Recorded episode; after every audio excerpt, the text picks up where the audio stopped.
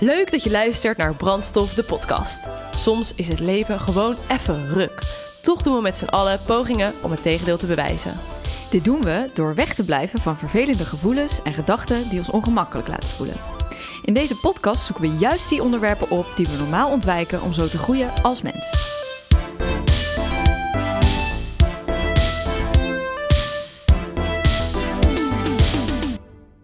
Nou, dames en heren, het is zover. Wij zitten bij de dames van Opzoek de podcast. Hallo. Hallo. Hallo. Uh, nou, bij Marije thuis om precies te zijn. Uh, we hebben zojuist al een aflevering opgenomen voor uh, de podcast van Opzoek. Het gaat over onder andere zichtbaarheid, over samenwerken als vriendinnen, over het maken van een podcast. Nou, en nogal wat andere interessante uh, onderwerpen. Nu zijn wij aan de beurt met onze podcast.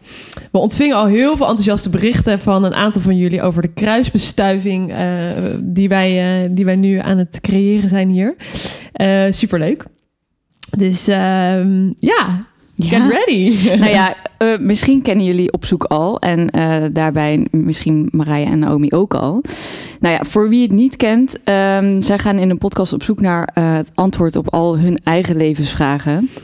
En uh, die komen vaak overeen met zeker de vragen waar wij in ieder geval ook mee zitten en waar volgens mij heel veel andere mensen mee zitten. En ze hebben de bals eigenlijk om niet alledaagse onderwerpen aan te snijden, uh, waar stiekem dus iedereen wel nieuwsgierig naar is. Uh, denk hierbij aan kletsen over buitenaards leven, reïncarnatie, hekserij en ayahuasca. we all love it. Um, en nadat Marija bij ons in de podcast was voor een gesprek over human design, stelde zij voor om met elkaar in gesprek te gaan. En nou, here we are. Superleuk. Ja.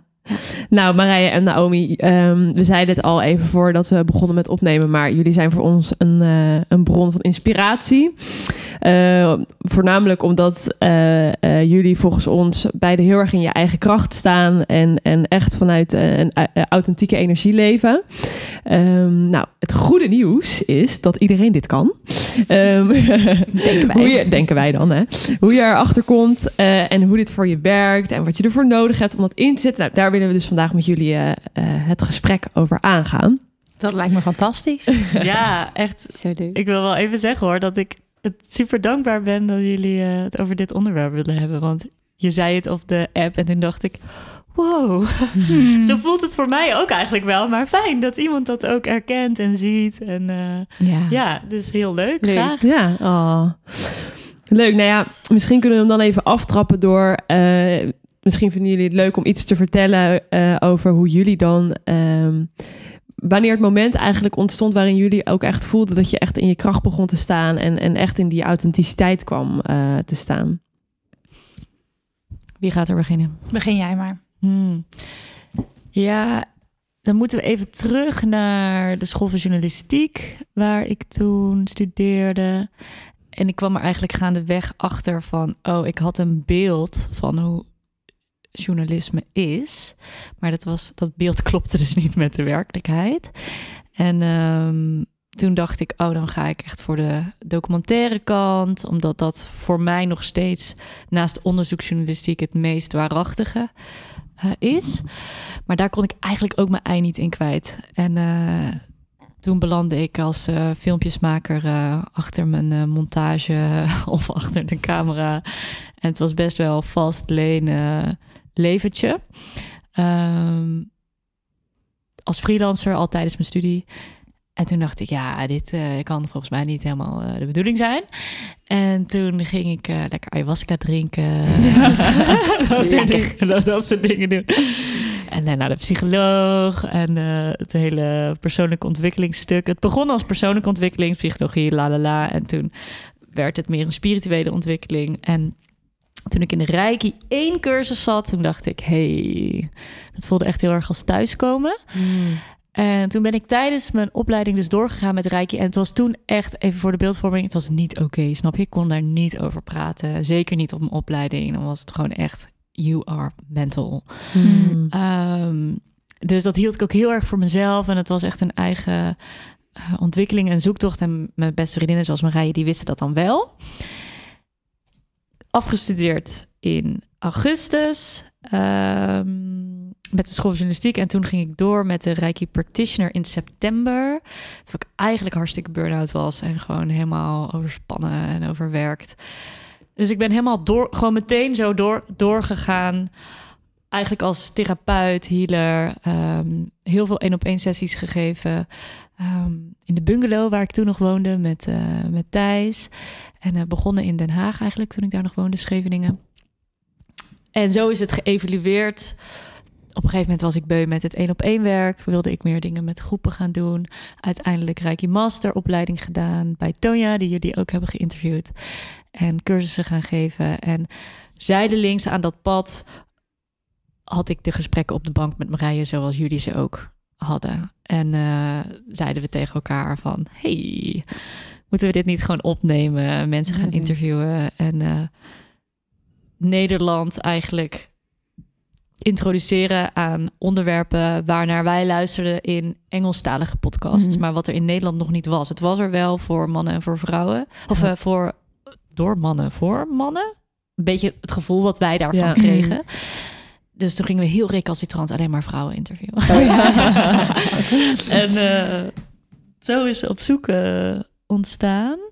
Is dat nog steeds eigenlijk? Alleen maar vrouwen of niet? Nee. Nee, toch? Nee, nee. Nee, ik zat even te Mm. denken. Nee. En wat was dan het moment dat je voelde...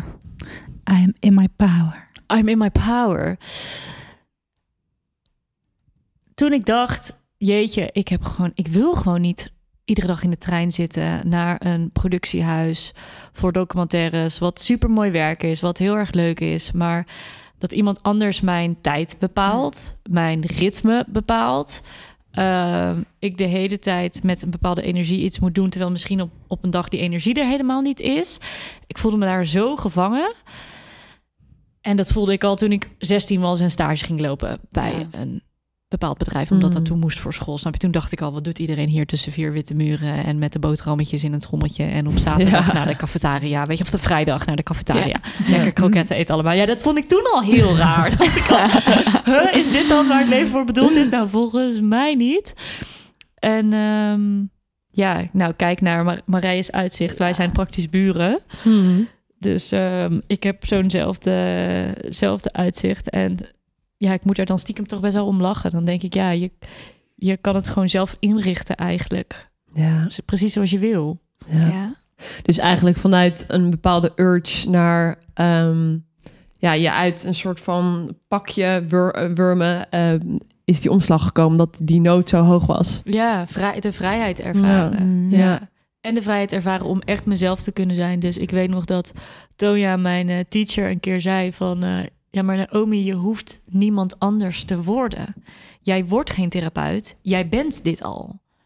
Denk maar aan al de gesprekken met je vrienden, met vriendinnen. Denk er maar aan. Wanneer zit je in die rol? Je familie. Oh ja, wacht eens even. En die eye-opener van... oh ja, ik, ik hoef alleen maar mezelf te herinneren... wie ik in de essentie al ben. Dat te gaan doen. Hmm.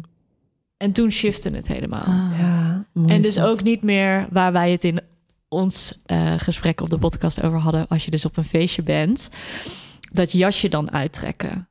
Oh Ja. nee, hier ga ik dan nu even de gezellige Naomi lopen zijn. Want er moet wel een biertje met mij te kunnen drinken zijn. Ja, nee, ik zie dat je verdrietig bent. Vertel maar even, ben je verdrietig? Ja. Ja, dus ik heb ook iemand, een schoonfamilie, die gewoon omloopt op een verjaardag. Die denkt, eh, ik ga eens even niet met Naomi praten.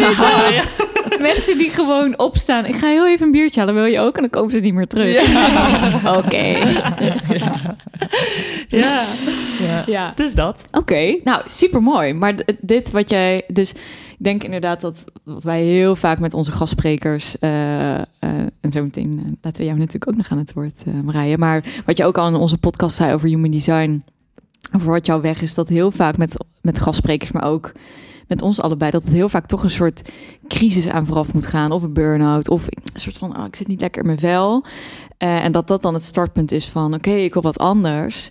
En nou ja, waar deze aflevering natuurlijk ook over gaat, is van, oké, maar hoe vind je dan je, je, wat dan wel, zeg maar. Dan weet je wat niet, maar wat dan wel. En ik vind het wel echt super mooi aan jouw verhaal dat Tonya dan tegen jou zei van, ja, maar je bent het al. Ja. Dat is echt mooi.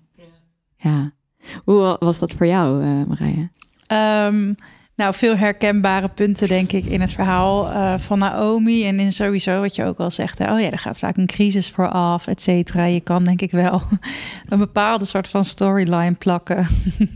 op uh, de verhalen van heel veel mensen. Die dus op een gegeven moment voor kiezen om eigenlijk hun eigen realiteit en hun eigen leven vorm te gaan geven. En van daaruit ook te voelen. Oh ja, dus nu handel ik ook echt daadwerkelijk en leef ik ook daadwerkelijk vanuit mijn eigen kracht. En bij mij um, kwam denk ik daarin het omslagpunt, sowieso in het verhaal wat ik ook al vertelde in de aflevering over Human Design, dat ik op een gegeven moment overspannen raakte en merkte van, oké, het klopt niet meer, ik ben iemand anders aan het zijn of ik denk dat ik iemand anders moet zijn dan wie ik ben. En vanaf het moment dat ik dat dus ook los ben gaan laten en eigenlijk mijn focus ben gaan leggen naar oké, wat vind ik leuk? Waar krijg ik energie van? Wat uh, wekt mijn nieuwsgierigheid? Waar word ik echt enthousiast van? Oh, dat is de richting die ik op mag. Oh, dat zijn de dingetjes die ik mag gaan doen. En dat begon bij mij um, dus ook na zo'n moment van crisis. En heeft ook denk ik geresulteerd tot onze podcast. Wat ook gewoon een soort vrijbrief was van... oh, je mag in al die onderwerpen duiken. Je mag mensen spreken. Je mag, je mag het helemaal zijn en je mag het er helemaal laten zijn. Ik denk dat dat. Ik denk ook dat dat bij, dus bij veel mensen is. Er moet ook een soort van kurk van de fles of zo op een gegeven Mhm. moment. Omdat we dus zo vaak denken dat we ons moeten aanpassen. of dat bepaalde dingen er niet mogen zijn. of dat daar geen ruimte voor is in de maatschappij. Mag er zo'n moment zijn om te ervaren van. oh, maar ik mag het juist allemaal. En dan gaat het dus alleen maar over een soort van. steeds dieper herinneren, herinneren, herinneren, herinneren. Wat jij ook al zo mooi zei, Oom. Ehm, dus ja, voor mij heeft de podcast daar heel erg aan bijgedragen. En ehm, daarnaast werkte ik nog eh, freelance. Wat al wel heel anders voor me was dan ehm, eh, in loondienst. Maar voel ik echt sinds, ik denk, anderhalf jaar... dat ik ook... ehm, nou, ik ben denk ik iets langer dan een jaar geleden bijvoorbeeld begonnen met mijn human design business en met klanten werken, et cetera. Dat heeft er ook wel weer nog meer aan bijgedragen. Dat ik nog meer voel van wow. En dat is ook eigenlijk mijn credo heel erg van wat ik doe. Van um, I'm in the business of being myself. Dus nu is het gewoon de rode draad door alles wat ik doe. En niet alleen wat ik doe voor werk, maar gewoon mijn zijn. zijn. Ja, Hmm. Ja. Zo mooi. mooi. Ja. En Ja. dat werk ook niet meer voelt als werk. Nee, wat ik ook al zei tegen jou en volgens mij ook tegen jou. Ja. van ehm, ik werk bijvoorbeeld nu ook met zulke leuke mensen dat werk niet alleen zeg maar het emmer, emmertje werk vult, maar het is ook het emmertje sociaal, weet je wel. Dus ja. er is niet meer zo'n afscheiding Nee. of zo'n kadering van nu moet ik naar werk en dan moet ik me op die manier presenteren of dan moet ik dit of dat zeggen en doen. Maar het is gewoon één organisch geheel en alles is een Ja. expressie van mijn zijn. Of ik zeg maar nou met vrienden ben of aan het werk ben of hier in de tuin bezig ben of aan het koken ben. Het maakt niet zoveel uit. Ja. Welke naam, weet je wel wat het ook is, want het is allemaal, het gaat allemaal over die Ja, expressie. Ja. dat is echt zo mooi gezegd. En ik denk dat dat voor ons ook wel herkenbaar is, allebei. Hmm. Het het voelt voor mij ook soms wel echt als een privilege dat ik denk, oh ja, er zijn natuurlijk heel veel mensen die dat echt niet hebben. Ja. En ik denk dat het vaak ook wel linken aan voor jezelf werken. En ik denk dat dat ook wel helpt. Al Ja. hoeft het natuurlijk niet, want er is letterlijk dan niemand anders die tegen je zegt. Ja. Maar het herinneren, dat vind ik wel echt een, een woord dat, dat bij me blijft. Ja. Eh, wat ook voor de mensen die nu luisteren. Het herinneren wie je echt bent. We zijn vaak denk ik toch zo geneigd om op zoek te gaan naar wie ben ik? En eh, dingen leren en tot ons nemen en Extern. vaardigheden leren. En zo is ons hele schoolsysteem natuurlijk ook eh, ingericht. Maar niet over, oh wacht even, maar wie ben ik in de kern eigenlijk al? Ja, en dat is het echt, zeg maar, qua beweging. Ja, de luisteraars kunnen het nu niet zien, maar inderdaad dat zoeken, dat is zo heel erg naar voren gericht. Terwijl het juist eigenlijk gaat over alleen maar dieper landen, Ja. dieper landen, dieper landen. Ja. En ophalen wat er al is. Ja. En wat er al opgeslagen is. Ja, Ja. Ja, en heel erg tegen draads aan in het hoe de maatschappij dus gaat. Dus waarvan je wordt, waarin van je wordt verwacht. Dat je dus iedere keer de jas aan, jas uit, jas aan, jas uit. Oké, hier ben je dit, daar ben Ja. je zus en daar ben je zo. Nee, wat als je dus overal congruent jezelf bent? Hoe moeiteloos dat dan gaat voelen. En hoe meer ontspannen jij bent en je omgeving wordt. En dat effect op iedereen zoveel groter wordt. Van, oh ja, we krijgen nu allemaal de vrijbrief om gewoon lekker onszelf te zijn. Ja. Overal. Hoe Heerlijk. chill. Ja. Oh my god. Ja.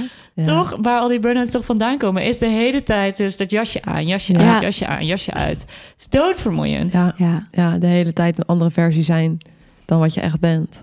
Ja. Want ik denk dat voor, voor de luisteraars misschien ook wel leuk is om wat even wat meer dat jullie vertellen over wat jullie als individu ook nog doen. Want ik bedenk me helemaal dat we daar misschien aan voorbij zijn gegaan. Want naast op zoek doen jullie zelf ook hele bijzondere dingen. Eh, dus ja, wie wil. Ja, ik trap hem wel af. Ik heb dus een praktijk voor healings. Eén op één sessies geef ik. Ben ik eigenlijk al na. Ik werd zwanger. Eh, en tijdens het einde van mijn zwangerschap ben ik daar even mee gestopt. eh, richting mijn verlof. Want ik doe vaker een traject met mensen. En eh, kan niet eh, een week voor mijn bevalling nog een, eh, een sessie gaan doen. En dan zeggen: Nou, succes ermee met je proces. Ehm, dus dat ben ik ehm, weer een klein beetje aan het oppakken. Mijn eh, kindje Kaya is nu eh, een half jaar oud. En ik geef reiki-cursussen, groepceremonies, retraites. ehm, een paar keer per jaar. En ik maak de podcast met Marije. Leuk. En de, Ja. de basis van jouw healing zit hem dan in, is dat in Reiki? Eh, is dat de rode draad of is het eigenlijk allemaal... Ja, dat is een hele mooie vraag, Romy. Eh, want daarin is dus heel veel aan het bewegen sinds, eh, eigenlijk sinds ik Reiki Master ben geworden. Want de basis was altijd Reiki. En ik denk dat ik daar altijd bij blijf, want het is, vind ik, een heerlijke practice, wat je dus gewoon lekker in je bed kan doen. Ik kan gewoon blijven liggen, dus hoe chill is dat? Ehm, maar in mijn één op één werk is het heel erg aan het veranderen en gaat het nu meer toch richting het werken vanuit het universum, spirit, ehm, het mediumschap eigenlijk. En ehm, ehm, het begon altijd vanuit het lichaamswerk en het aanraken. En dat is nu dus heel erg aan het shiften. Dus nog energetischer, nog meer op de zielslaag. En dit is heel fijn, want ik krijg er zelf ook weer heel veel energie van. Ik had zoveel sessies gedaan vanuit dat lichaamswerk... dat het ook een... Het was een tweede natuur, ik hoefde er bijna niet meer over na te denken. Ja. Dat is het natuurlijk als je intuïtief werkt. Dan ben je gewoon een instrument en dan denk je niet na. Mm. En dan is iemand de deur uit en dan denk je... Oh, wow, poeh. Ja. Wat gebeurde er nou eigenlijk net? Ehm, dus daarin is nu heel veel... eh, ik vind het zelf heel leuk. Ik voel me weer een beetje... ehm, eh, ja, een puber die iets Ja. nieuws aan het, Mm, aan het ontdekken is. En die weer een beetje aan het spelen is. Dus dat is heel, eh, heel fijn. Ja. Ja, Oh, leuk zeg. mooi. Dus iedereen is welkom mocht je daar eh, wat van eh, willen ervaren van die magie. Ja, zo leuk. We zetten het allemaal in de show notes. Dan kun je Ja. heel makkelijk klikken. Ja, ik wil er zo nog al, al wat meer over vragen. Ja. Maar Eerst Marije. eerst nog even, ja. Eerst Vertel. nog even die handen. Vertel, vertel jij eens even, joh. Ja, maar. Marije, ik weet uit eerste, eerste hand ervaring dat Marije ook hele bijzondere dingen doet. Ja. Ik, ehm, ik vertel even wat ik op dit moment doe. Omdat ik merk dat het dus altijd verandert. Mm. Ehm, mijn basis eigenlijk waarvan ik eh, ben begonnen werken met eh, klanten is human design. Ehm, gaf ik readings, et cetera. Maar ook trajecten waarbij ik het combineer met psychodynamische technieken... waarin ik vooral werk met het onderbewuste, maar ook het energetische. En eh, op dit moment ehm, pas ik dat eigenlijk nog alleen toe op projectors in human design. eh, omdat ik zelf een projector ben en ik geloof dat iedere projector die dus eh, in zijn kracht wil komen te staan, een bepaald proces doorloopt van herinneren. Ehm, dat dat heel erg belangrijk is, omdat je je energie niet op een andere manier kan gebruiken. Dus wat ik ook zei van hè, ehm, gewoon geld verdienen met mezelf zijn, dat is heel erg de basis ook van wat de meeste projectors heel graag Ja. willen. Ehm, dus daar ondersteun ik nu in en daar begeleid ik in. En dat doe ik zowel één op één als in groepen. En eigenlijk heeft dat alleen maar hiermee te maken. Met iemand weer de hele tijd terugbrengen bij zichzelf. Maar ook, ehm, dus wat kan ik daarbij loslaten? Maar wat kan ik daar dus ook weer bij herinneren? En hoe ehm, kan ik dat in de wereld zetten? Of wat kan ik Ja. daar mee doen? Ja, zo leuk. En voor de luisteraars die dat nog niet weten, dat heb ik natuurlijk in de aflevering die we net hebben opgenomen bij Op Zoek wel verteld, maar eh, dat ik dus ben gestart met een traject bij jou eh, met een, groep mensen van drie maanden. En eh, nou, ik vind het helemaal geweldig. En ja, wat ik, wat ik net ook al even kort tussen ons zei, was dat ik gewoon echt al de magie voelde voordat we waren gestart. En Ja. eh, dat is denk ik hoe het werkt. Ja, supermooi. Dat is ook helemaal de bedoeling. En Ja. dat is ook heel erg ehm, hoe ik werk hiermee. Bijvoorbeeld dat programma wat jij deed. Ik voelde dat al. Ik wist eigenlijk al twee jaar geleden dat ik dit zou gaan doen. Alleen ik wist ook van, ik ga dat natuurlijk niet nu doen. Of dat wist ik toen, van ik ga dat niet nu doen, maar dat Mm. komt eraan. En dan laat je het weer helemaal los en dan eh, stuurt het leven je alle kanten op. Totdat je op een gegeven moment op dat moment komt. En toen wat, kwam het echt zo aankloppen van, Ja. oké, Ja. de time is now, de time is now. Oké, boom, ik creëer het, ik zet het neer. Ook weer doordat iemand anders ook aan mij vroeg, hè, uitnodiging van, Mm. hey, ga je dit toevallig doen? Ja. Ehm, ik weet eigenlijk niet waar ik naartoe wilde hiermee. Maar in ieder geval... Dat, de magie begon Ja. al van ja, tevoren. en toen was dat ook echt dus de intentie. Maar ook omdat ik dus voel van... aan de ene kant, het is mijn programma... maar het is ook niet mijn programma. Zeg maar als in, ik ontvang dit programma... maar het programma doet zijn werk. In het veld en in het leven en weet ik veel wat. En ik stuur het zo een beetje Ja. bepaalde kanten op. Maar het, is niet, het voelt niet zo van... oh, dit is van mij. En Nee. eh, weet je wel. En daarom voel ik ook heel veel vertrouwen... om jullie gewoon allemaal lekker zo...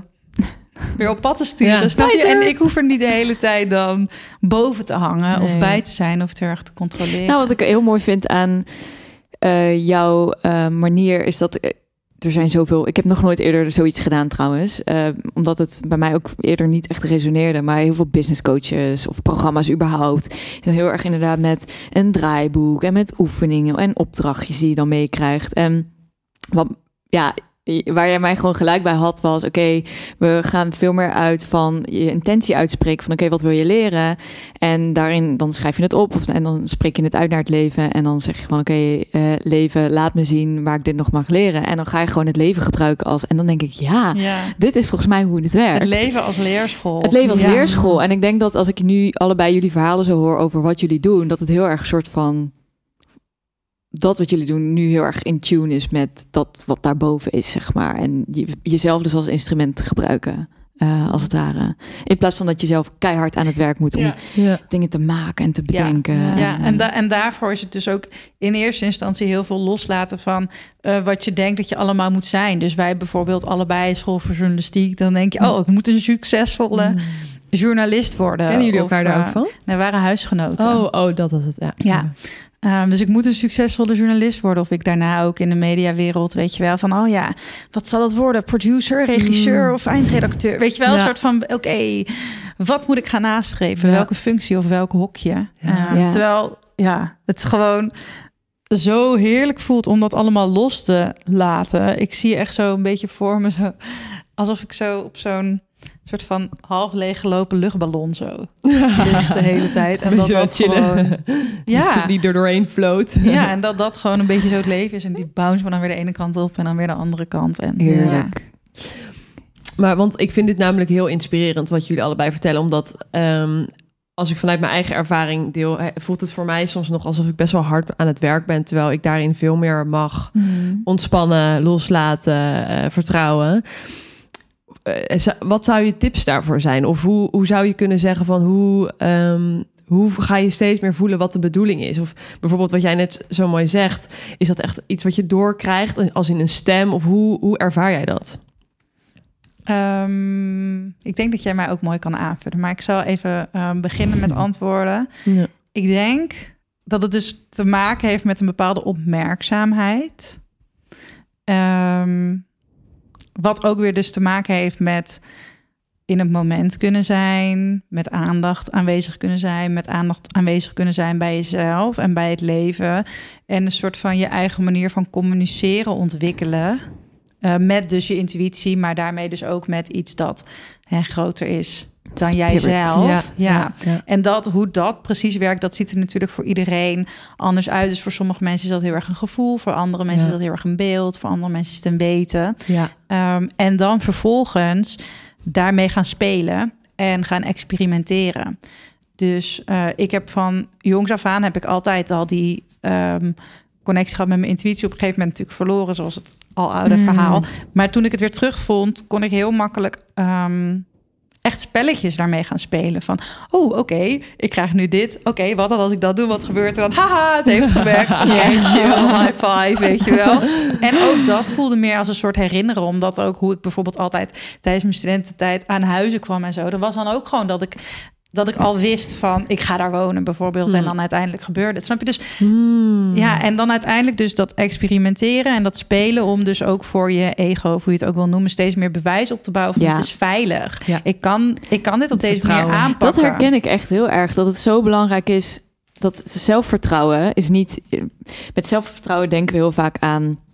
Oh, ik zie er vandaag leuk uit. Ik mag er zijn. Maar zelfvertrouwen is letterlijk dat je op jezelf durft te vertrouwen. En dat Ja. kan je maar op één ding, één manier leren door daarmee te gaan experimenteren. En ik doe dat ook wel eens als ik, weet ik veel, dan vraag ik om een teken van boven of zo. Van oké, moet ik dit wel of niet doen? En dan zie ik heel duidelijk, krijg ik ineens een teken door een liedje of getal of whatever.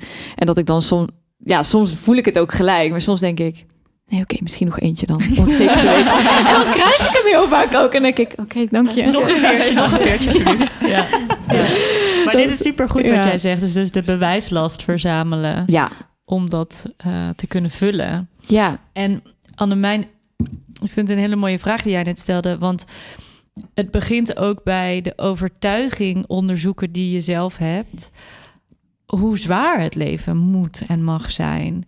En kijk, er zijn heel veel mensen die dan roepen van... oh, maar dat is een privilege. Nou oké, als het je privilege is. Maar ga er maar eens op zitten, hè, dat als je dus bijvoorbeeld minder gaat werken... Wat voor gevoelens roept dat dan op? En hoe, hoe zit je dan thuis? Oh. Met- ga je dan meteen een heel wild je huis eh, poetsen, Ja. schoonmaken? Mhm. Weet je het meteen weer opvullen, die leegte? Ja. Of mag er dan gewoon eh, ontspanning zijn? En ja. Waar zit precies die overtuiging dat, je, dat, het dus, dat het leven zwaar moet zijn... en dat werk als werk moet voeden? En Ja. dat dat dus eigenlijk niet eh, vlo- vloeiend mag gaan... zoals het die, eh, die luchtballon die Marije Ja. net... eh, Ja. Vibe. Blop, blop. Ja, dat, dat is het. Dat gelijk. blop, blop. Dat je zo door het leven blubbert. Ja. Ja. Ja. Ja, want ik bedoel, bij Annemijn en ik hadden, zeiden net nog buiten even ehm, tegen elkaar van... wow, wat chill, het is vandaag eh, dinsdag. Ja, dinsdag. En eh, ik zei zo voor de oh, breek zo lekker de week. één dag gewerkt. En toen zei Annemijn ook van... Jij zei ook van, oh ja, het is gewoon zo chill. Ik keek er gisteren al naar uit en... Om dit gewoon even te doen. En dit mag dus ook. En we hoeven nu niet eh, als excuus te hebben van... oh, we gaan met jullie een podcast opnemen en dan mag het. Eigenlijk kan het dus altijd, Ja. als we willen. Ja. Ja, dat zei ik Ja. net ook nog Ja. tegen jou van dat, dat ik dan tegen Romy aan het zeggen ben van ja, maar eh, nee, maar weet je, we zijn mensen aan het aannemen, dus er gaan kosten lopen, dus we moeten echt open op een bepaald punt. Dus daarom zijn we keihard aan het werk om dat voor elkaar te krijgen. Ja, dat moet helemaal niet. En dat zijn eigenlijk allemaal dingen die ik verzin om een soort van te verantwoorden voor mezelf. En ook, wat is hetgene dan uiteindelijk dat jullie café en studio tot een succes gaan Precies maken? dat. Ja. Ja. En daarom zit ik elke keer in die soort van Nou, maar dat zei je toch ook al laatst die van... stemmen in mijn hoofd. zo Van, wat, wat maak ik mezelf nou wijs? En vanuit welke energie wil je nou dit eigenlijk opzetten? Ja, maar jij zei toch ook laatst letterlijk van... ehm, ja, wat we mensen willen meegeven in de studio is natuurlijk heel erg van... Hè, kom bij jezelf en Ja. rust. En dan zitten Beer en Annemarie... En wij keken, aan Beer en keken elkaar ook echt soms aan van... joh, wat zijn we eigenlijk aan het doen? Maar ik moet sowieso om lachen. Het is, ik, vind het, ik moet daar ook heel hard om lachen. Maar ik zou daar wel serieus een soort van... Ik voel daarbij wel dat dus... eh, daar hebben wij het ook heel vaak over, zeg maar... Hoe je de dingen doet, Mm. is wat het uiteindelijk is. Ja, ja. Dus het is ook welke imprint wil jij meegeven aan jouw bedrijf. Oeh, dit is mooi wat jij zegt, want dat is tijdens het programma heel erg. Dat is echt pas voor het eerst dat ik er op die manier naar keek. Maar dat, dat Marije, dat jij tegen mij, tegen ons als groep ook zei van... Oké, maak contact met de energie of de spirit van je organisatie. Het is geen dood ding. Het is niet, Ja. oh, eh, je hebt een kantoor en een idee en dat is het. Nee, het is gewoon een, een, een, een levend iets, zeg maar. Entiteit, het heeft een ziel. Ja. Toen dacht ik, oh ja, wow. Ja. Ja, en daarnaast vo- voelt het voor mij ook al zo als een soort van soms bypassing. Dus gewoon dat ik maar keihard ga werken om niet te voelen hoe fucking eng ik het eigenlijk het vind. Het is echt een manier natuurlijk om daarmee om te gaan. Ja, en ik voel het voor mij ook al. ehm, ja, en als we het dan he- hebben over wat jij net ook zegt van voor sommige mensen is het zien, voelen. Voor mij is het gewoon een soort van ik weet dat ik dit wil, Ehm, maar ik vind het ook echt fucking eng. En ik denk dat dat ook gepaard gaat met meer in je kracht komen te staan. Dat het, het is niet, het gaat niet over rozenblaadjes of zo. Nee, het gaat ook niet over dat die angsten er dan niet meer zijn. ja, ja, Ja. Of dat het makkelijk is, want het is natuurlijk niet per se makkelijk Nee. om eh, ook anders te leven dan de rest. Hè? En het dus vanuit vertrouwen in jezelf te doen, terwijl je om je heen kijkt en iedereen het eigenlijk anders doet. ja, Ja. Dus je krijgt ook de hele tijd die projecties op je van, ja. maar wat is dan het verdienmodel? Of Ja. alle kapitalistische Of overtuigingen nog. bijvoorbeeld Ja. wat, mijn, eh, wat mijn lieve moeder zei toen ze hier was. Oh, het is hier zo mooi. Hierna ga je nooit meer zo mooi wonen. Oh ja. maar echt vanuit natuurlijk alle liefde, weet je wel. Ja. Maar dat, is Ja. wel, zo- dat zijn wel de hele tijd de messages, weet je wel, die je dan meekrijgt. Ja. Terwijl ja. ik gewoon zoiets heb van... Ah, eh, nee, dit is, dit is het begin, weet je wel. ja, Ik ben net warm. Ja, ja. Ja. En aan het begin Oh. kan je natuurlijk best wel van je stuk laten brengen door, door de, de externe opmerkingen of die je krijgt vanuit het perspectief van anderen. Dat is ook een hele mooie test om echt bij jezelf te blijven, denk ik. Maar ehm, ja, als je daar niet bewust van bent. En dus ook denk ik gewoon heel erg in te voelen van... ehm, hoe wil dit bedrijf ontstaan? Ja. En dat helpt ook heel erg. Dat is bijvoorbeeld wat wij ook met op zoek hebben gedaan. Dat we dat eigenlijk altijd al wel hebben gezien als een soort van losse eh, spirit waar wij mee mogen werken. Ehm, maar dat helpt dus ook heel erg om het ehm, op een bepaalde manier een beetje te detachen van Ah, jezelf. ja, vind ik waardoor. Zeg maar, stel je eh, eh, haalt die deadline niet, dan zegt dat niks over jou als Annemijn dat jij hebt gefaald. Hmm. Maar dan is dat gewoon, oké, nee, dit, dit bedoel ik ook niet als een soort bypass, maar gewoon zo van, oké, blijkbaar, weet je wel, mogen we op dit tempo bewegen. En wil de Of- energie daar niet precies. naartoe. Ja. Ja. Ja. Want jullie, jij vroeg net aan ons van, oh, jullie hebben nu een opnamemarathon. En ik had het nog niet beantwoord, die vraag. Dat was in het voor, Nee, klopt, voorgesprek. Eh, en toen moest ik lachen. Toen dacht ik, oh ja, we hadden bedacht, we gaan een opmarath- opnamemarathon doen. Eh, zes afleveringen in drie dagen. En nu nemen we uiteindelijk twee afleveringen op. Drie. Drie. Twee. Twee, Ja, twee. ja. Ja. Ja. Omdat de energie ergens anders naartoe Ja, wil. We gisteren met ons boek bezig waren. En ehm, er in mijn persoonlijke leven van alles aan de hand is. We hebben gisteren ook lekker een muur staan schilderen hier met z'n tweeën. Het leven wil nu gewoon iets anders. En dan doen we dat in plaats van heel stug door Ja. te duwen. Ja. En Ja. daar ook fysieke ongemakken van Mm. te Ja. ervaren. Hè? Want Mhm, mhm. zo krijg je klachten. Ja, absoluut. Ja. Ja. En ook denk ik vertrouwen dat je daarmee dus evenveel doet. In de zin van, ehm, hè, als je er dus vanuit gaat dat je je bedrijf of wat je doet, als het altijd dus vanuit energie begint, dan kan bijvoorbeeld de keuken opruimen of een muur schilderen of de tijd nemen om een boekje te lezen, kan zoveel meer doen voor je energie dan om toch nog eventjes die aflevering Ja. eruit te persen of whatever, zeg maar. Dus 100%. dat is ook weer dat we vaak die dingen zo Ja. ja. Ja. zeg maar in hokjes stoppen in ons hoofd. Terwijl het leven doet niet aan die verschillende Nee, hokjes, zeg nee. maar. die veerkrachtigheid is zo belangrijk. Ja. Ja, en ik denk wel, voor mij is het, als ik dan nog even, nog even mag afsluiten hoe dat dan voor mij eh, voelt, is het gewoon, ik voel heel, wel heel erg dat elke keer gaan de dingen anders en, en kan ik daar dus vertrouwen in hebben. En dan voelt het wel alsof dat de bedoeling is, maar het is echt elke keer weer van, oh ja, nee, ik mag verzachten. Oh ja, nee, ik mag verzachten. Weet je wel, zo, oh ja.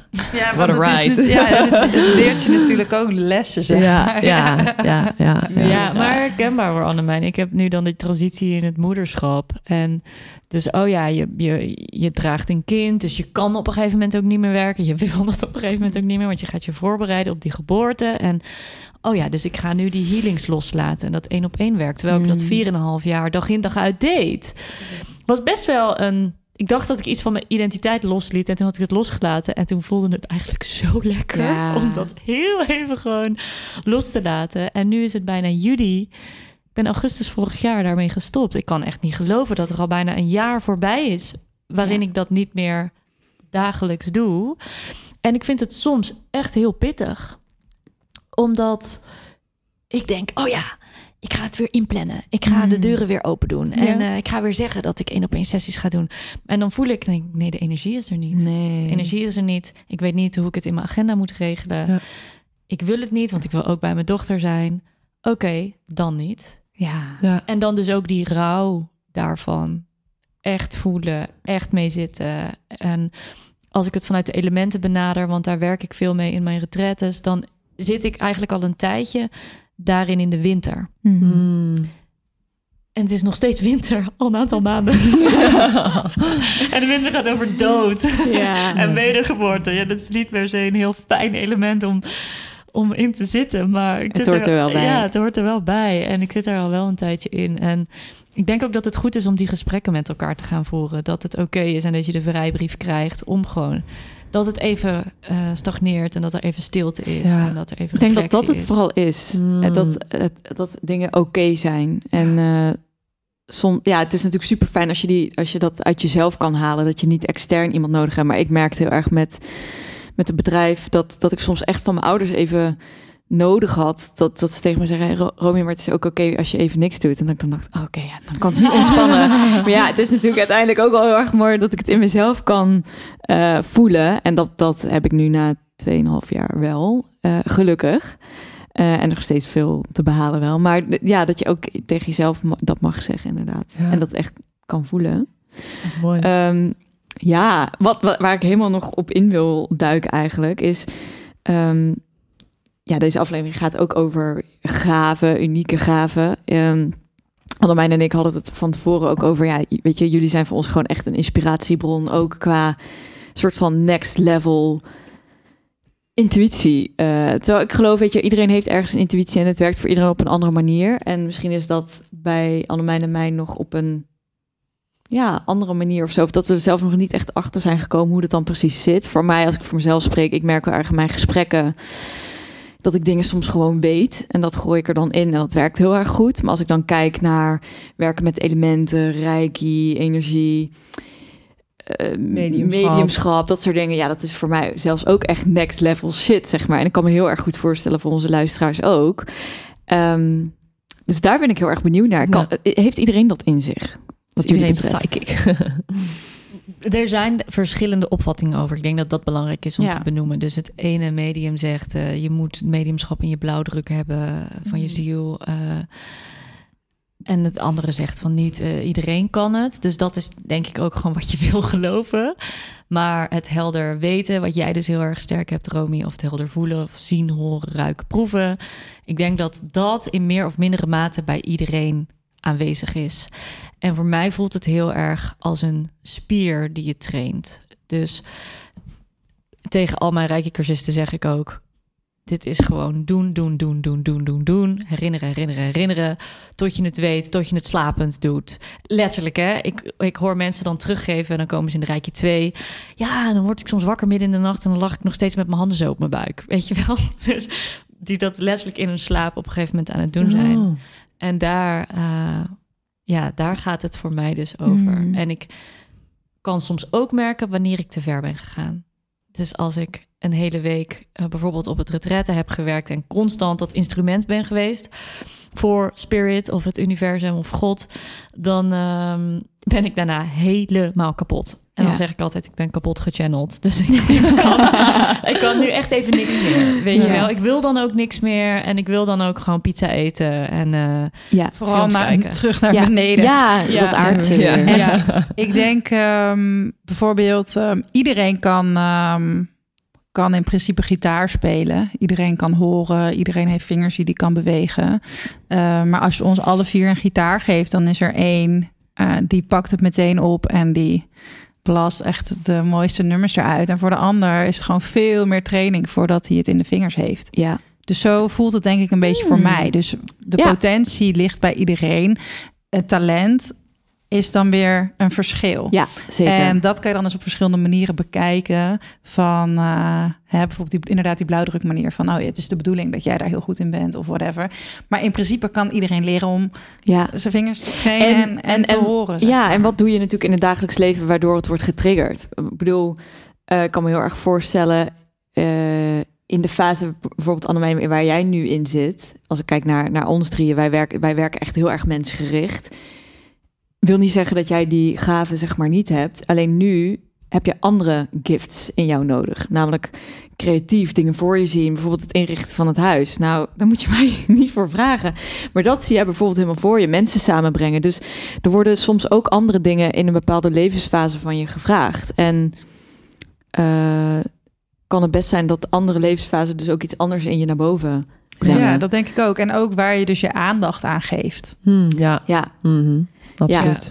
Ja. En ook op welke soort van bandbreedte je navigeert. Want ik merk heel erg dat ik heel, wel heel sterk de overtuiging heb van... oh ja, ik ben echt wel een, eh, een, een goede coach, psycholoog, hoe je dat noemen. Ja, dan ben, dan ben ik echt goed. En ga ik het door de bril bekijken en ik vergelijk bijvoorbeeld met jullie... denk ik van, oh nee, dat kan ik allemaal niet. Snap je? Terwijl in essentie we misschien toch hetzelfde doen. Maar Ja. de bril waardoor ik kijk, Ja. wat toch geconditioneerd is door de maatschappij. Mm. Van, oh ja, ik ben coach. Terwijl, ja, heel veel mensen zeggen ook van...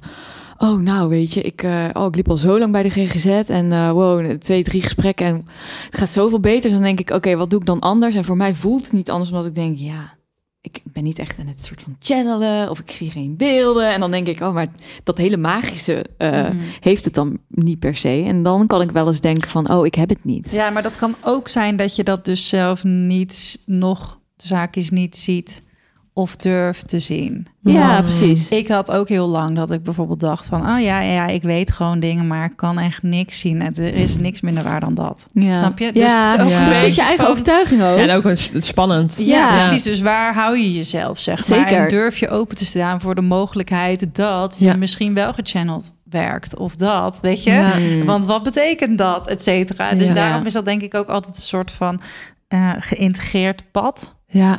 Ja, ja, zeker. Nou, en voor mij voelt het ook wel heel erg zo dat ik soms opeens denk van, huh?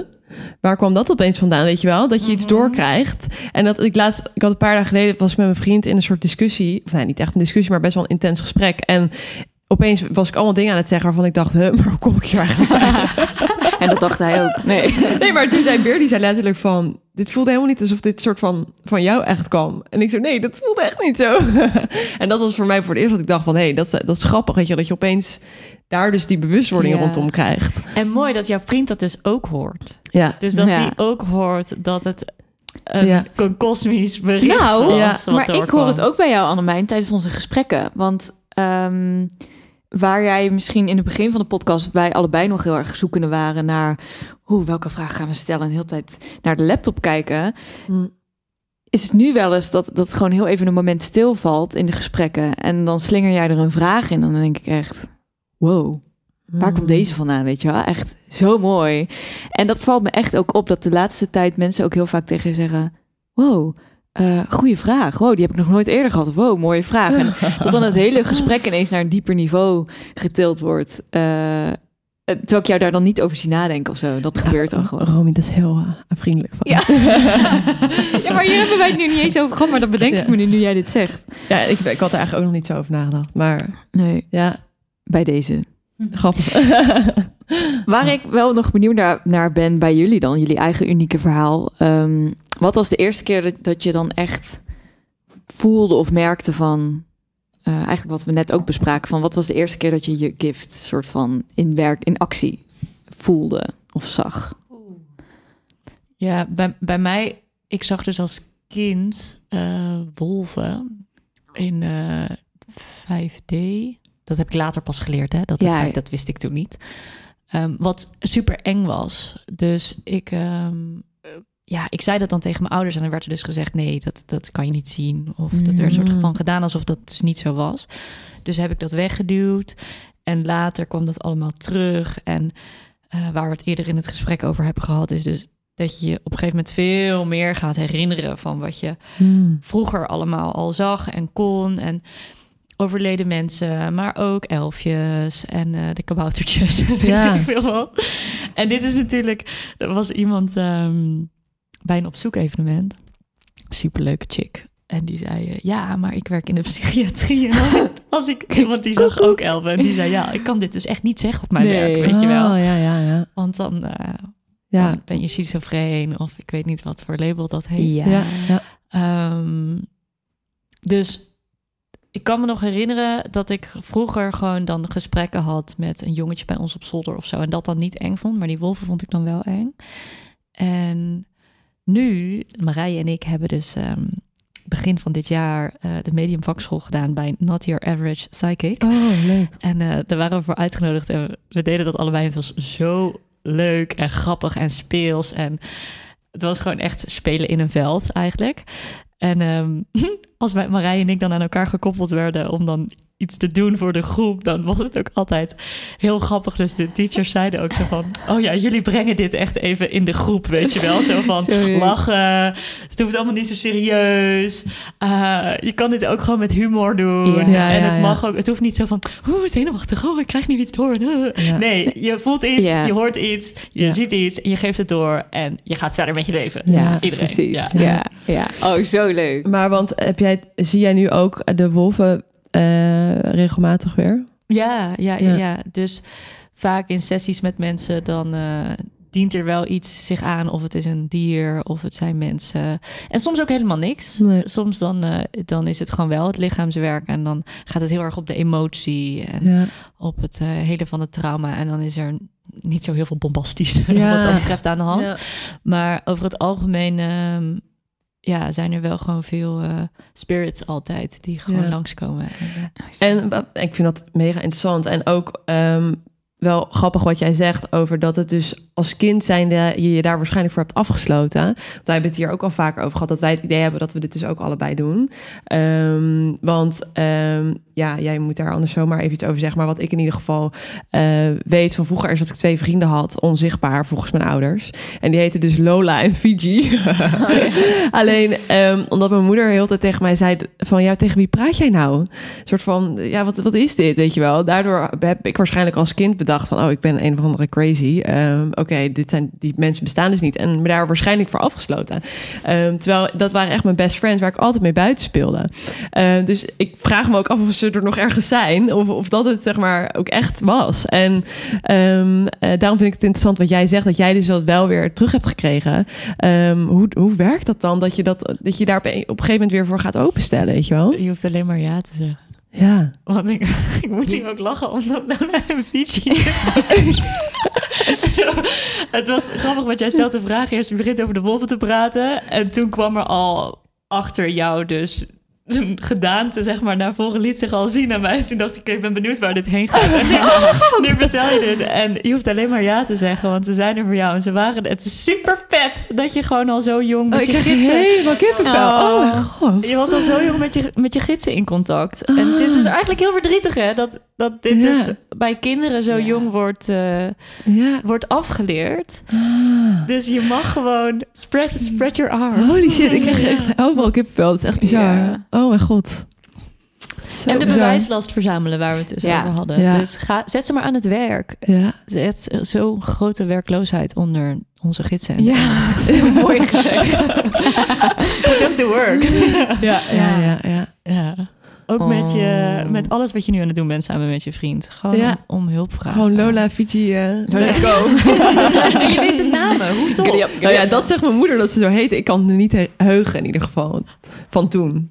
Ja, maar je, Ja. je wist het al. Ja, Leuk. grappig hè? Oh. Ja. En Marije, hoe was het voor jou? Ehm, hoe was het voor mij? Ja, ik moet twee dingen denken. Vooral dat ehm, ehm, ik stond altijd bekend als ehm, dat, eh, dat kindje met die veel te grote fantasie. Dus ik heb ook heel vaak gedacht van, oh, dat was eigenlijk allemaal fantasie. Alles was fantasie, weet je wel. Ik had het allemaal helemaal ehm, bedacht. Maar nu weet ik inmiddels, heb ik daar een ander perspectief op. En weet ik van, hmm, nee, dat kan, je, dat kan je niet alleen op die manier eh, verklaren, zeg maar. Dat was niet het enige wat dat was. Maar wat mij vooral daarin het meest sterk bijblijft zijn twee dingen. Eerst is gewoon dingen, eh, het, gewoon echt het weten van dingen. En eh, dat is ook echt de manier waarop ik bijvoorbeeld... En ik heb dit ook volgens mij nog nooit eerder zo uitgesproken... maar ik haalde ook altijd hele hoge cijfers op school. En dat was echt gewoon... Dat was dat, zeg maar. Dat was gewoon het weten. Ik, zeg maar, ik kan het niet uitleggen. Het had niet te maken met het leren. Het had gewoon te maken met... ik weet dat dit het antwoord is. Ik weet dat dat het Oh. antwoord Oh is. my Ik weet dat dat het antwoord is. Ik weet dat dat het antwoord is. Dus echt Oh. gewoon... Dat is echt mijn... En ook nu met de opleiding die ik deed... dat ik dan weer een 9,6 had of zo... voor een of ander tentamen... waarvan ik de lesstof helemaal niet allemaal tot me had genomen, maar dat ik gewoon wist, ik weet het gewoon. Ik weet gewoon wat het antwoord is. Wauw. Het is heel grappig, want ik heb dit nog nooit eerder zeg maar zo uitgesproken, omdat het altijd heel, ik weet niet, eh, toch een oordeel op zo van, ik, ja. oh ja, ik, ik maakte al mijn tentamens en toetsen ja, op een soort van eh, intuïtie. En dan zit iedereen echt zo, eh, oké. Iedereen zo bij, bij het eindexamen zo'n etuietje en eh, een drink en zo. En jij zo crystal ball. En dat Kevin Marije schets dan zo, antwoord B. Ja, ja. Nee, ja, dus, dat- dus ik denk dat hij dat... Kevin? Ja, maar ehm, ik weet nu inmiddels dat ik echt een, echt een voetbalteams heb, zeg maar. Oh ik heb God. echt, echt heel veel gidsen. En ik weet ook dat het dus verschilt per periode. Dus bijvoorbeeld Hmm. Kevin is nu weer Op minder relevant, Nee. zeg maar. Ja. En dan is er, weer, eh, is er weer iets of iemand. Maar in ieder geval was dat denk ik het, eh, het meest belangrijke. En ook dat wel, wat, wat jullie ook zeggen. Ik denk dat veel mensen dat ook wel kennen. Maar bijvoorbeeld ook sollicitatiegesprekken of presentaties of zo... hoefde ik dan Oh, ook nooit ja. voor te bereiden. Omdat ik dan gewoon... Dit herken ik ook zo. Ja, ja. Dus en Ja. Eerst keek ik daar gewoon naar en dan dacht ik van, oh ja, nou, ik weet niet meer. Maar het helpt dan dus wel heel erg om dan te gaan, om dan een beetje te claimen van eh, voor jezelf gewoon van, ja. oh ja, damn, dat is gewoon gechanneld of dat is gewoon mijn intuïtie Nou, of dat, dat, ja. is mijn Ja, ja, helder dat, je daar toch bewuster van, eh, Ja, dat je van het wordt. gewoon durft. Dan kun je het soort van uitbouwen. Anders is, is het een gewoon punt. Ja. Ehm, En Ja. het is ook zo mooi, die feminine energie hier dus in. hè, ja. Van dat niet voorbereiden en gewoon in die energie stappen van dat sollicitatiegesprek. En Ja. ik denk dat ik vroeger echt bijna ieder sollicitatiegesprek echt een super erge kater had. Weet je? Ja. Ja. En dan dus ook overal werd aangenomen, precies wat Marije zegt. En dat ik dan nooit begreep hoe dat Hoe dan, dan? kon. Ja. Ja, Ja. maar dat heeft dus hiermee te maken. Ja, en dat is echt ook die, inderdaad, wat je zegt, die vrouwelijke energie van eigenlijk eh, de vrouw als het orakel. Ja. Ja, Dat, want dit is gewoon iets, zeg, zeg maar, mannen kunnen dit ook. Maar als we het dan hebben over dat talentgedeelte, zijn er gewoon wel veel vrouwen die er gewoon meer talent voor hebben, omdat het gewoon in onze natuur zit. Ja. Mm. Om op die manier eh, te bewegen. Ja. Mm. Ehm, en ik denk ook dat het heel erg kan helpen om dus niet ehm, voor jezelf af te sluiten. Bijvoorbeeld dat ik dacht van...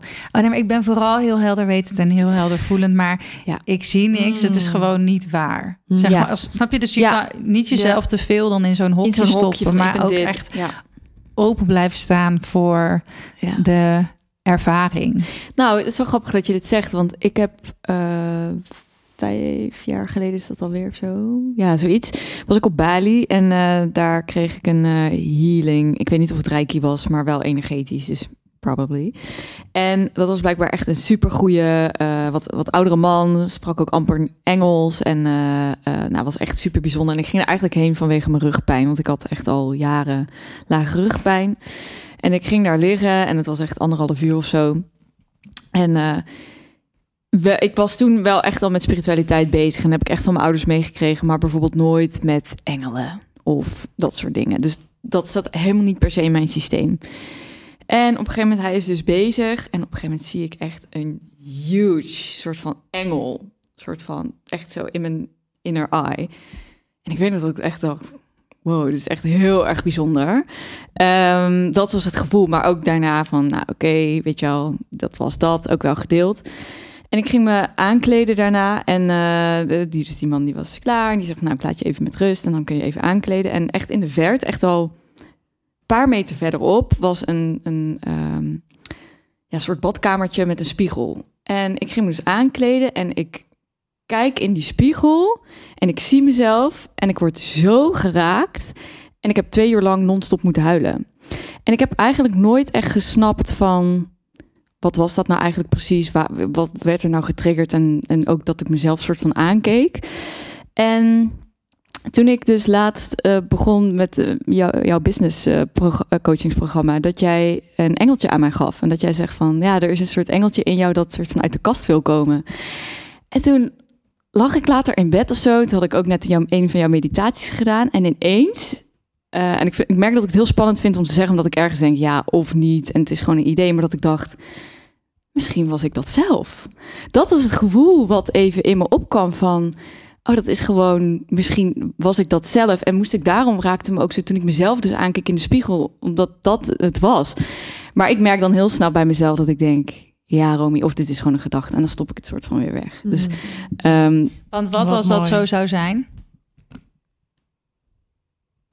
Nou, dat is heel mooi. Maar wat als het niet zo zou zijn, dan, dan vind ik dat onzin of zo. Van, oh ja, Romy, wat denk je dan? Dat is stom om te denken. Dat. Dus het is niet zozeer wat als het zou zijn, maar veel meer wat als het niet zo zou zijn. Oh, dan heb ik mezelf voor de gek gehouden. Ja, it's not our darkness that most Nee, it's the light. Ja, ja, Ja, ja. daar gaat dit over. En ik moest ook wel denken aan toen wij eh, laatst bij jouw retreat dag, eh, toen op een gegeven moment ging het hier ook over. En toen bracht iemand het ook in de groep in van, wat zag je dan bij visualisatie over? Wat is thuiskomen dan? En toen zei een van die meiden ook van, ja, ik zag dit en dit en dit. Maar ja, ik twijfel dan of dit echt is of haal ik dit niet gewoon uit films. En toen dacht ik, oh, dit had ik ook kunnen inbrengen, dus interessant. En toen zei hij ook heel mooi, Marij, van... Ja, maar je bedenkt het niet zomaar. Al komt de, al komt de inspiratie uit films, d- iets triggert eh, dit op dit moment. Dus toen dacht ik, oh ja, dus gewoon het vertrouwen in dat een beeld wat in je opkomt, dan zal het wel zo zijn. In plaats van, het zal wel niet zo zijn. Ja, gewoon. Want dat is een andere Wat als het wel zo is? Ja, ja, Ja. ja. Ja. Dus dat is heel interessant. Dus dat vind ik heel cool, ook om luisteraars mee te geven. Dat als je een keer iets ziet of voelt of hoort. Ja, ik denk dat, dat heel veel van onze luisteraars misschien ook wel herkennen. Dat, het, dat het soort van wegstoppen en denken, oh ja, het zal wel niet. Ja, en misschien leuk om te vertellen waar het vandaan komt. Is in de tijd van de jagers-verzamelaars en mensen als nomaden nog over de aarde trokken, hè, ehm, was het dus zo dat de oude vrouw, de niet meer vruchtbare vrouw, ging dus de bessen, de vruchten, de blaadjes eh, uittesten. Want als zij kwamen te overlijden. Kijk, de kinderen die wil je groot en sterk maken. De mannen kunnen nog tot heel lang ehm, kinderen produceren en zijn sterk. Dus die wilde je behouden, zeg maar. Wie was eigenlijk in dat hele systeem dan op een gegeven moment ja, overbodig? Je, had, natuurlijk ook oude wijze vrouwen in de stammen om eh, te gidsen, hè, het orakel te zijn. Maar zodra ze dus gingen reizen, dan was het de oudere vrouw die de besjes en zo moest gaan testen. En wat is er toen gebeurd? Die zijn vanuit intuïtie dat gaan doen. Die zijn op een gegeven moment die besjes niet meer gaan eten. Ja, Ja. die zijn gewoon de planten met de planten en de spirits gaan praten. Zodat ze wisten, nee, ik hoef dit niet te eten. Ik hoef dit nu niet te testen, want dan ga ik dood. Oh my god. Dus dat is hoe de heksen zijn, heksen, als je het zo wil noemen, dus zijn ontstaan. En waarom dit dus in ons DNA zit Ja. van vrouw zijn. En dat we dus dat helder weten, helder voelen, helder horen, alles gewoon in ons hebben. Oh, Ja. We know. we know. Ja. Ja. En we hoeven onszelf daar dus ook, en elkaar, daar dus ook niet meer klein in te maken. Mm.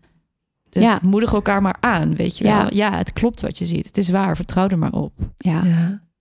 Nou, en, en dat is wel denk ik heel erg belangrijk. Dat begint al bij onze opvoeding natuurlijk. En eh, daar, daar hadden we het al eerder even, eventjes over buiten de opnames. Van om dus in, in de opvoeding, ondanks dat ik nog helemaal geen kinderen heb, maar om dus heel erg in overeenstemming te zijn, om te communiceren dat wat een kind voelt, de intuïtie is er al, dat een kind leert, je mag op vertrouwen dat wat je voelt klopt. En ik denk, wat gebeurt er natuurlijk heel vaak in onze maatschappij, dat we opgroeien en onze ouders hebben ruzie en wij denken, oh, hey, gaat het wel goed? En we komen binnen en, oh nee, het gaat allemaal goed hoor. Ja, wat, wat is de imprint die je meekrijgt? Je gevoel, daar kun je niet op vertrouwen. Nou, dan moet je Ja. van ver komen natuurlijk Ja. later. Ja, ik denk dat we allemaal wel die reis afleggen, Ja. inderdaad. Ja. ja, zo interessant. Ik heb nog wel een andere eh, vraag. ehm, die misschien niet eens echt te maken heeft met het onderwerp van de aflevering, maar oké. Maar eh, wat ik wel even leuk vind om te weten vanuit jullie. ehm, hoe jullie daar tegenaan kijken. Van, eh, als, als je nu kijkt gewoon naar wat we hier eigenlijk met z'n allen aan het doen zijn hier op deze aardbol. eh, met eh, alle zielen die hier rondwallen. Wat, wat, waar denken jullie dat we met elkaar eh, naartoe onderweg zijn? Of eh, wat de bedoeling is? Grote vraag, Zo Annemijn. chill dat je deze vraag stelt. Ja, daar ben ik gewoon echt benieuwd naar. Voor mij voelt het alsof het uiteindelijk gaat over liefde. En dat we daarna onderweg zijn. En dat we dat in onszelf en met elkaar de hele tijd mogen vinden. Zegt degene die op dit moment super ingewikkelde shit heeft in haar relatie. ik vind de relatie echt de meest ingewikkelde op deze aarde. Ja. Ehm, maar het gaat daar wel over, denk ik. Over de liefde. En dat heeft superveel vormen. Die pioenroos achter jou is ook liefde. Ehm, een lach die je deelt met iemand op straat die je niet kent. Ehm, ja, die verscheurdheid die er nog heel veel is. Op heel veel vlakken en heel veel lagen in de samenleving of op de aarde. Ja, ik kan daar naar kijken en daarop invoeden en echt denken, ja, maar hier gaat het toch niet over. Volgens mij in essentie, waar je ook vandaan komt, wil je gewoon leven. Met je dierbaren om je heen. Eten, lachen, spelen. ja. En that's it. Marije, Ja, wil jij mij aanvullen? Ja, Heel mooi. Ehm, kijk, in simpele woorden gezegd zou ik zeggen, dus inderdaad herinneren dat we bijvoorbeeld liefde zijn, of dat we hè, heel zijn, of dat we licht zijn, of weet ik veel wat. Maar ik was laatst wat human design en eh Jinkies research aan het doen. En je hebt natuurlijk heel veel van die creatiemythes vanuit ook alle religies, eh et cetera. En ehm, eigenlijk hebben ze daarin over drie verschillende eons, eonen zeg maar van tijd. En de eerste gaat eigenlijk over het incarneren van spirit in matter. Dus dat zou je kunnen zien als het ontstaan van het leven. Dus het begin van het leven hier op aarde bijvoorbeeld. De tweede eh eon gaat eigenlijk, eigenlijk over dat spirit zichzelf vergeet. Dus we raken zo geïdentificeerd met de materie dat we niet meer weten dat we in wezen spirit zijn. En dan gaat de derde eon over herinneren Hmm. wie we ook alweer waren. Mhm. En dat we dus die liefde of die God of dat bron of dat licht, dat dat is wat we in wezen zijn. Eh, en als je dan dus kijkt naar de tijd, dan ehm, staan, zitten we nu in de eon van het begin van het herinneren. Ja. En ik denk dus dat dat proces is iets wat je dus over de hele wereld als collectief, misschien wel over de hele kosmos zou kunnen zien. Maar dat is dus ook precies waar wij het nu over hebben in het klein met het delen van ons verhalen. Ja. Dus eh dat. Mooi. Oh, wauw. Mooi. Echt chill, nog even zo'n meta. Ja, dat Ja, is heerlijk. Dat Love it.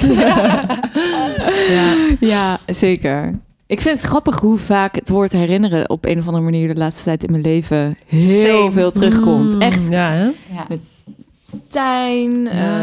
eh, in, in gesprekken die ik heb met mensen, dan nu weer. Dan denk ik echt, Maar het, het, het Ja. valt Dit- het gewoon zo... Ja, ik het heb resoneert tussen her en innere. Hè? Ja. Dus die, die afsplitsing Ja. wel daarvan. Ja. Ja. Ja. inneren. Ja, Ja, laten we allemaal lekker gaan herinneren, jongens. Ja.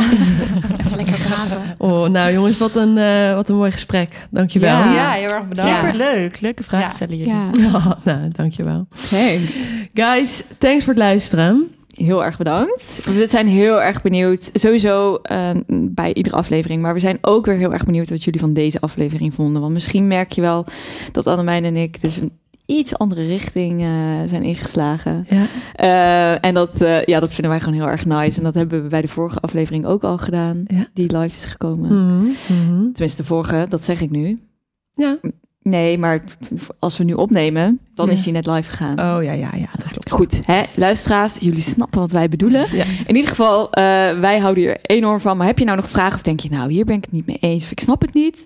Vraag Let het gewoon. Yes. Eh, we zetten de show notes van natuurlijk opzoek, maar ook van de individuele dingen eh, die jullie doen, die zetten we in onze. De linkjes daarvan zetten we in de show notes. Ja. En tot de volgende keer. Tot de volgende keer.